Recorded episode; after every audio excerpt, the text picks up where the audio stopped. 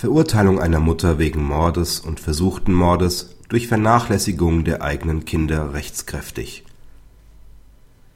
Die Verurteilung einer Mutter, die ihre etwa ein und zweijährigen Kinder dadurch getötet bzw. fast getötet hat, dass sie sie tagelang unversorgt alleine ließ, ist rechtskräftig. Das LG Erfurt hat fehlerfrei Mordmerkmale erkannt, eine Strafmilderung wegen des Begehens der Tat durch Unterlassen abgelehnt und auf die gut 20-jährige Mutter Erwachsenenstrafrecht angewandt.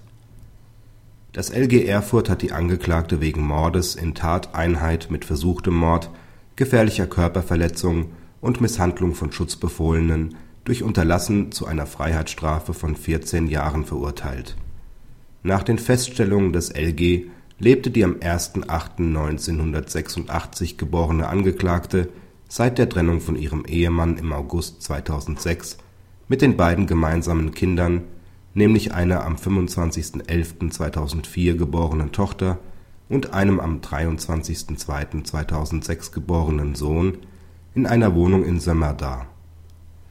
Nachdem Anfang November 2006 wegen nicht bezahlter Rechnungen der Strom abgestellt worden war, begann die Angeklagte, der bis dahin die Bewältigung ihres Alltags und die Versorgung der beiden Kinder noch gut gelungen war sich nachts außerhalb der Wohnung aufzuhalten und die Kinder nur noch einmal tagsüber aufzusuchen, um sie mit fester Nahrung und Getränken zu versorgen und ihre Windeln zu wechseln. Hilfsangebote von verschiedenen Seiten schlug sie aus. Den Verbleib der Kinder und ihren sich allmählich verschlechternden Zustand verschleierte sie gegenüber Dritten. Am 10.12.2006 suchte sie die Wohnung zum letzten Mal auf, wechselte die Windeln und gab beiden Kindern Nahrung, jedoch nur ihrer Tochter etwas zu trinken. Danach ließ sie die Kinder in getrennten Kinderbetten, die sie alleine nicht verlassen konnten, zurück. In den folgenden Tagen kehrte die Angeklagte in dem Bewusstsein, dass außer ihr niemand den Aufenthaltsort der Kinder kannte und sich um sie kümmern würde und dass beide Kinder infolge der fehlenden Flüssigkeitszufuhr sterben würden, nicht mehr in die Wohnung zurück am 14.12.2006 wurde die Wohnung durch Mitarbeiterinnen des Jugendamts und Polizeibeamte geöffnet. Sie fanden den knapp zehn Monate alten Jungen verdurstet in seinem Bett vor.